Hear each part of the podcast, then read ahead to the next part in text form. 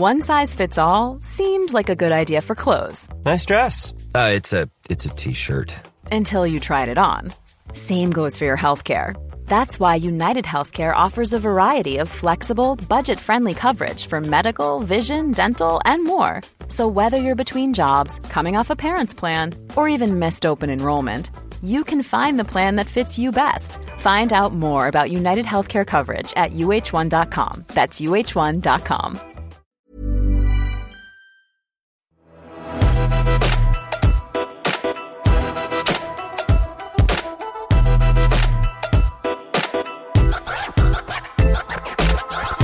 en sinnssyk uke det har vært, altså nyhetsmessig. Og det er ganske mye jeg kunne ha snakket om. Jeg kunne ha snakket om EU, som planlegger å regulere bruk av kunstig intelligens på nivå med GDPR, som i praksis betyr at EU egentlig kan drite i å utvikle så mye kunstig intelligens. For i et globalt perspektiv så kommer vi uansett til å tape mot USA, og ikke minst Kina.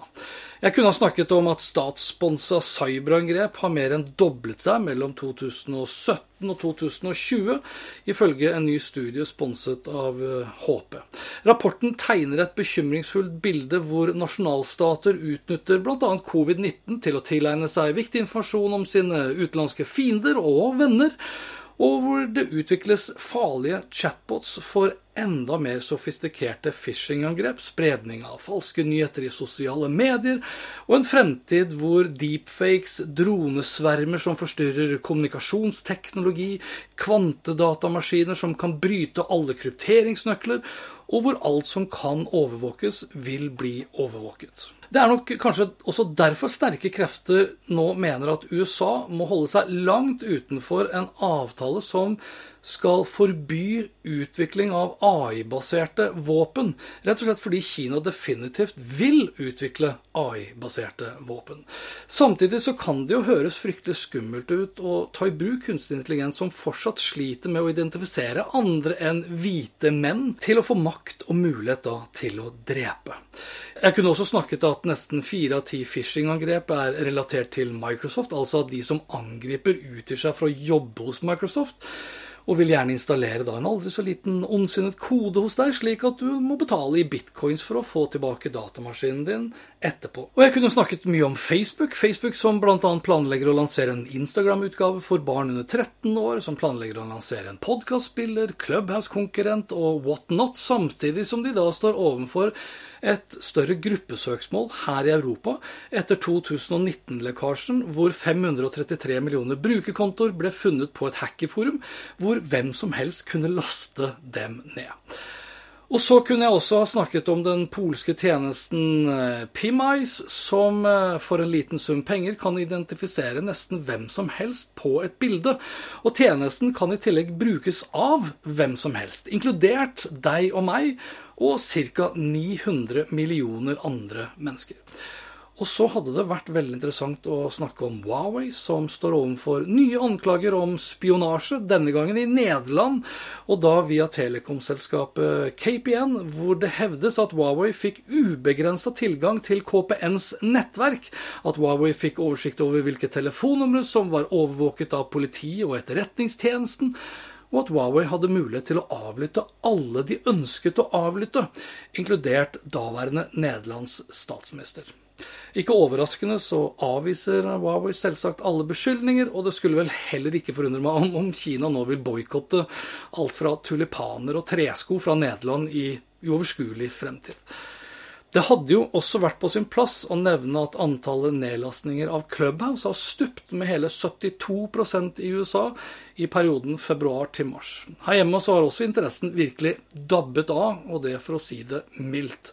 Fra å ligge på førsteplass på AppStore i februar, ligger appen nå for øyeblikket på rundt 200. plass og da blant gratisapplikasjoner. Til sammenligning så ligger Facebook, som har eksistert en ganske lang stund nå, på en finfin 39.-plass. Instagram ligger på 31.-plass, Snapchat på 26.-plass og TikTok på 25.-plass. Og ikke trenger jeg å snakke om Apple sine nye produkter heller, for det har jeg allerede gjort på da ekstra oppgradert episode med Eirik og Hans Petter.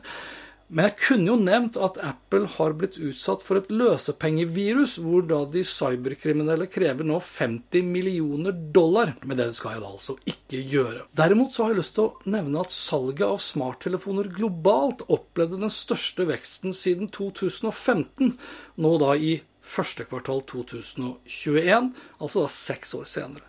Totalt 340 millioner enheter ble shippa, tilsvarende vekst da på 24% år over år. Og de fem største leverandørene det er Samsung, Apple, Xiaomi, Oppo og Vivo. Altså en koreaner, en amerikaner og tre kinesere, og ingen Huawei. Og de fem sto for 80 omtrent av salget. Det skal bli svært spennende å se hvordan resten av 2021 blir, og da med tanke på den pågående handelskrigen, pandemien, som ikke ble noe bedre av den tidligere blokaden i Suezkanalen, for det har ført til en global chipkrise med en umettelig etterspørsel som ekspertene nå tror vil vare til 2023. Så det kan hende at det spøker for septemberlanseringen av iPhone 13. Eller kan løsningen være, siden det spøker, at iPhone dropper iPhone 13 for å slippe ulykkestallet fullt og holdent? Ja, den som lever, får jo se. Inntil neste gang så kan dere jo hygge dere med den lille videosnutten her, som da God morgen Norge satt sammen da programleder Vår Staude og jeg diskuterte de nye iMac-ene til Apple, og hvorvidt de var sexy eller ikke, og hva en ekstra centimeter kanskje kunne ha gjort. Det råeste var jo at den var på 11 millimeter. Så tenker jeg, Hadde det gjort noe om de hadde bare lagt på liksom 1 centimeter til? Eh, altså Ikke fordi jeg tror jeg har råd til den, men fordi den er er det lov å si sexy? Uh, jeg jeg syns vel kanskje ikke den var så sexy. Altså, I den grad den var sexy, uh, så var den jo flottest bakfra. Ja. Og det, er det gærent òg, nå? Ja, for den kommer til å stå inntil en vegg i veldig mange tilfeller. Det råeste var jo at den var på 11 millimeter. Så tenker jeg, Hadde det gjort noe om de hadde bare lagt på liksom 1 centimeter til?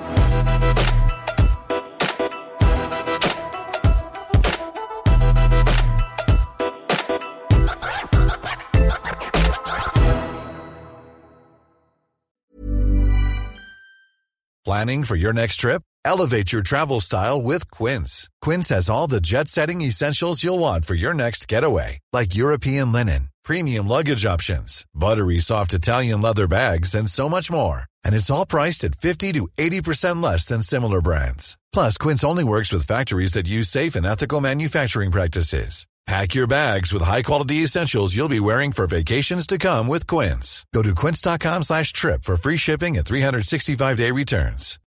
When you need mealtime inspiration, it's worth shopping Kroger, where you'll find over 30,000 mouth-watering choices that excite your inner foodie. And no matter what tasty choice you make, you'll enjoy our everyday low prices, plus extra ways to save, like digital coupons worth over $600 each week. You can also save up to $1 off per gallon at the pump with fuel points. More savings and more inspiring flavors make shopping Kroger worth it every time. Kroger, fresh for everyone. Fuel restrictions apply.